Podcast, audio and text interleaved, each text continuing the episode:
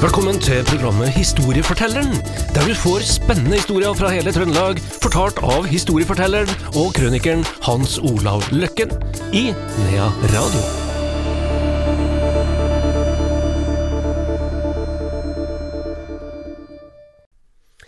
Da er vi klar med et nytt program i serien Historiefortelleren her i Nea Radio, og som vanlig er det Hans Olav Løkken som sitter her ved min side. Velkommen, Hans Olav. Ja, takk du. Du, jeg har eh, fått snusen i at du skal snakke om armfelt. Armfelt i dag òg? Ja, ja. Tro det eller ei, Ja. men eh, jeg hadde liksom tenkt oss å avslutte Arnfeldt nå. Ok. For det har jo vært ett år, det har vært over et år med en Arnfeldt. Og det er jo visse historielag i Trøndelag som jeg tror har hatt det på programmet omtrent én gang i uka.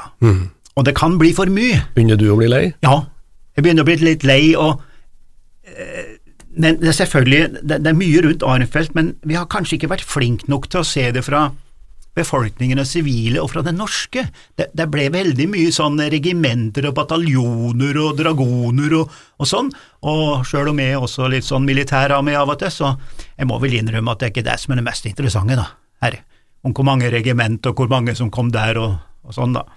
Så jeg har jeg brukte sånn 20-30 år på å lese meg opp på historie. Jeg begynte med historie når jeg var instruktør i Amerika, og begynte med indianerne.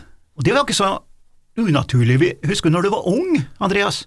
Det var jo Roy Rogers og Hawkland ja. Cassidy og Eh, yes. indianere, og vi tok alltid eh, vi- holdt alltid med de hvite, liksom. og Roy Rogers han sloss og sloss og var like vakker hver gang. og sånn. Men det var jo sånn vi, vi var som ungdommer. Satt fremst på kinoen og skulle se på Hoppaland Cassidy. Og eh, jeg drev og lette etter en Geronimo, eh, ikke han da, men altså stammen nede i Chiricahua Mountains, eh, Dragon Mountains i, Arizona, og begynte med det.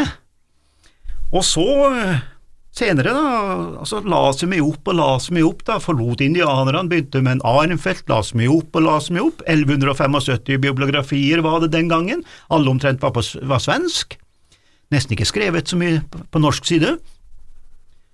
Men så blir du jo voksen da, til slutt, på en eller annen måte. Så de siste 19 årene nå, så har jeg slutta å lese meg opp, jeg leser meg ned. Det betyr at jeg prøver å se det fra litt mer logisk synspunkt. Kunne det virkelig ha foregått på den måten her? Ville jeg ha gjort det samme hvis jeg har levd den gangen? Og sånn.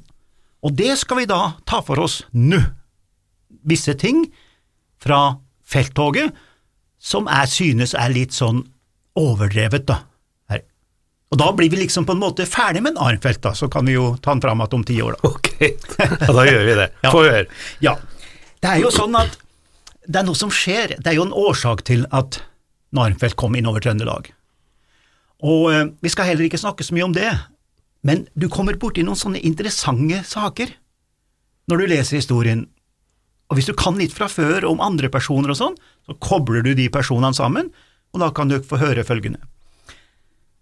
Han eh, Karl den 12., han drev jo og rota etter at han hadde banka russerne første gangen så trodde jo mange at han ville gå mot Moskva. Men han gikk jo tilbake mot Polen for å banke et søskenbarn igjen. Det var jo nesten bare søskenbarn som sloss mot hverandre, det var jo felles besteforeldre omtrent alle som drev og sloss. Og han skulle da slåss mot han August 2. i Polen, da. Men Karl 12. han var smart, skjønner. Han sørga for å ikke få flere enn én front om gangen. Så han allierte seg med hertugen av Marlborough, altså den engelske toppgeneralen, som sloss mot da Ludvig 14. og den gjengen der. Så han hadde et møte med hertugen av Marlborough, som er John Churchill, og som da er stamfar til den Churchill vi kjenner i, i, fra, fra krigen.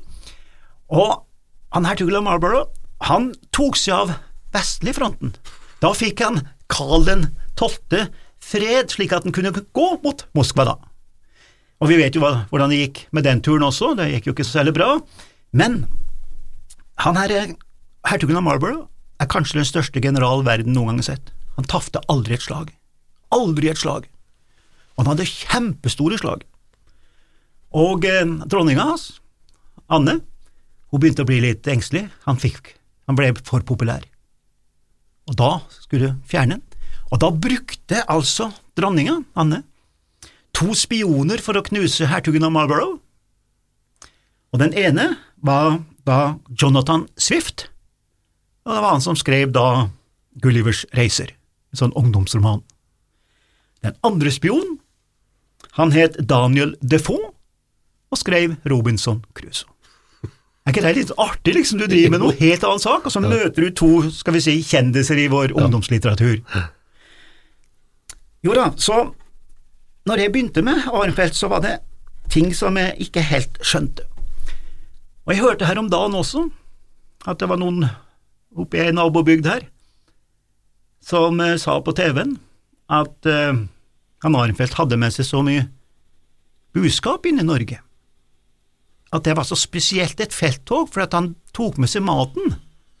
Men det tror ikke jeg på, sjøl om det står i de første bøkene at den var satt opp med 10 000 mann, eh, 6500 hester, 2500 buskap, altså mat.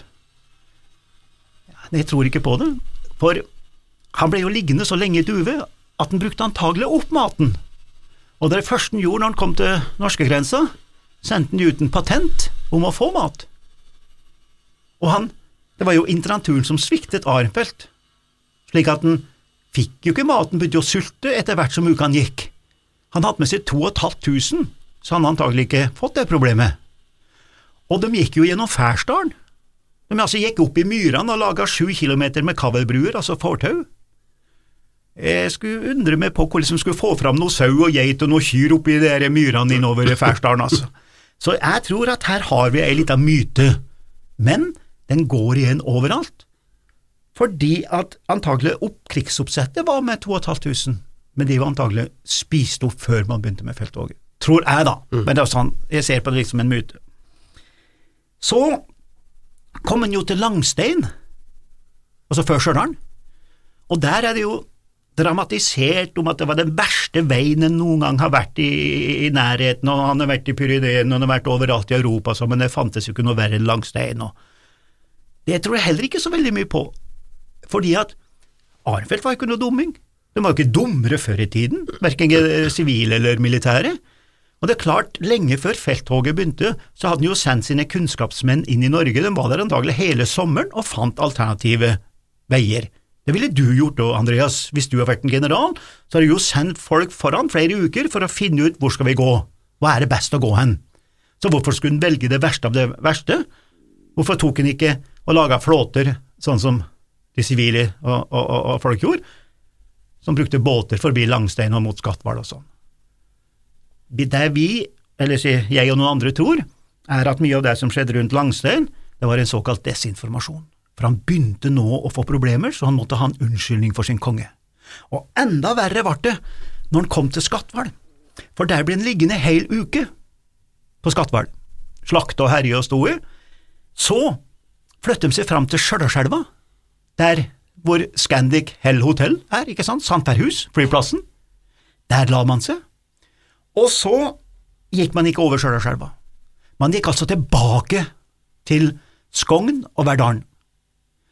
Og da, brukt, også da står det i alle plasser at aha, det var Stjørdalselva som vant over Arnfeldt, han kom seg ikke over Stjørdalselva, står det. Og dette har jo vi på Stjørdal fått noe kolossalt opp i himmelen, vet du, at det var jo vi som vant den krigen, og det var liksom mor Stjørdalselva som ordna opp, men eh, det er også antagelig bare en desinformasjon. Han eh, har riktignok fått skrevet ned at elva var veldig stor, for det var flom akkurat da, og det skjer jo av og til om høsten, og sånn, men han var ikke sterk nok. Han skjønte at han måtte trekke seg tilbake for å skaffe mer mat, for det var tross alt mer mat i Inn-Trøndelag, pluss han ville gjøre forsyningslinjene kortere, for det kom jo stadig forsyninger fra Duved via da Inndalen og Verdalen, så han skulle gjøre den, den linja kortere da. Så brukte han han, han seg ikke sterk nok. Og da brukte han elva som en slags unnskyldning på at hun var så stor at det var liksom vanskelig å komme seg over. Stor? Han kunne jo bare vente en dag eller to. Han, når han lå på Skatval, så så han jo at elva begynte å stige, da kunne han jo tatt en aksjon, og hvis han har gått opp til Hofstad i Hegra, kan du jo nesten spasere over elva, så grunt som det er. Så hvis han ville, så hadde han kommet over elva. Det er jeg 100 sikker på, og jeg skal også bevise det fordi at det var svensker oppe i Gjevingåsen, altså oppe på Helltunnelen da, i dag, der var det fullt av svensker. De har kommet over. Har de gått rundt hele jordkloden, de da? De måtte jo ha, ha kommet seg over elva en plass. Det er det ene beviset. To, da de valgte å trekke seg tilbake fra Stjørdal, mot Innherred igjen, så bygde man flåter, båter, og så for man rundt Skatvallandet og inn mot Åsen. De kunne jo svingt til venstre og inn mot Muruvika og Hummelvik. Så vi har gjort denne elva vår til en sånn mytepreget sak som knuste Arnfeldt. Men det var utrolig mye desinformasjon under den nordiske krig. Så har du enda en ting som jeg, jeg mener er myte, men som vi har gjort det ganske sånn fantastisk historie. Det var en som het kaptein Langstrøm. Han var et frikompani, sjef for et frikompani. De for overalt, tok seg til rette, og det heter seg i mange av historiene jeg har lest, at mødrene skremte ungene sine, rakkarungene. Altså hvis ungene var litt eh, rampete, så sa hun mor, vet du, å, nå må dere gjøre sånn og sånn, eller må passe dere, for da kommer kaptein Langstrøm og tar dere. Tror du virkelig at noen visste hvem han kaptein Langstrøm var? Det var jo ikke noe SMS og mobiltelefon. Det tok uh, ukevis, for ikke å si månedsvis, før nyhetene kom ut på landsbygdene og alt mulig. Men der han bygde opp en myte rundt han herre kaptein Langstrøm, som da ble drept, da. For han ble nemlig skutt oppe i Færbygda, Forradalen, altså oppe i Hegra, da, på veien.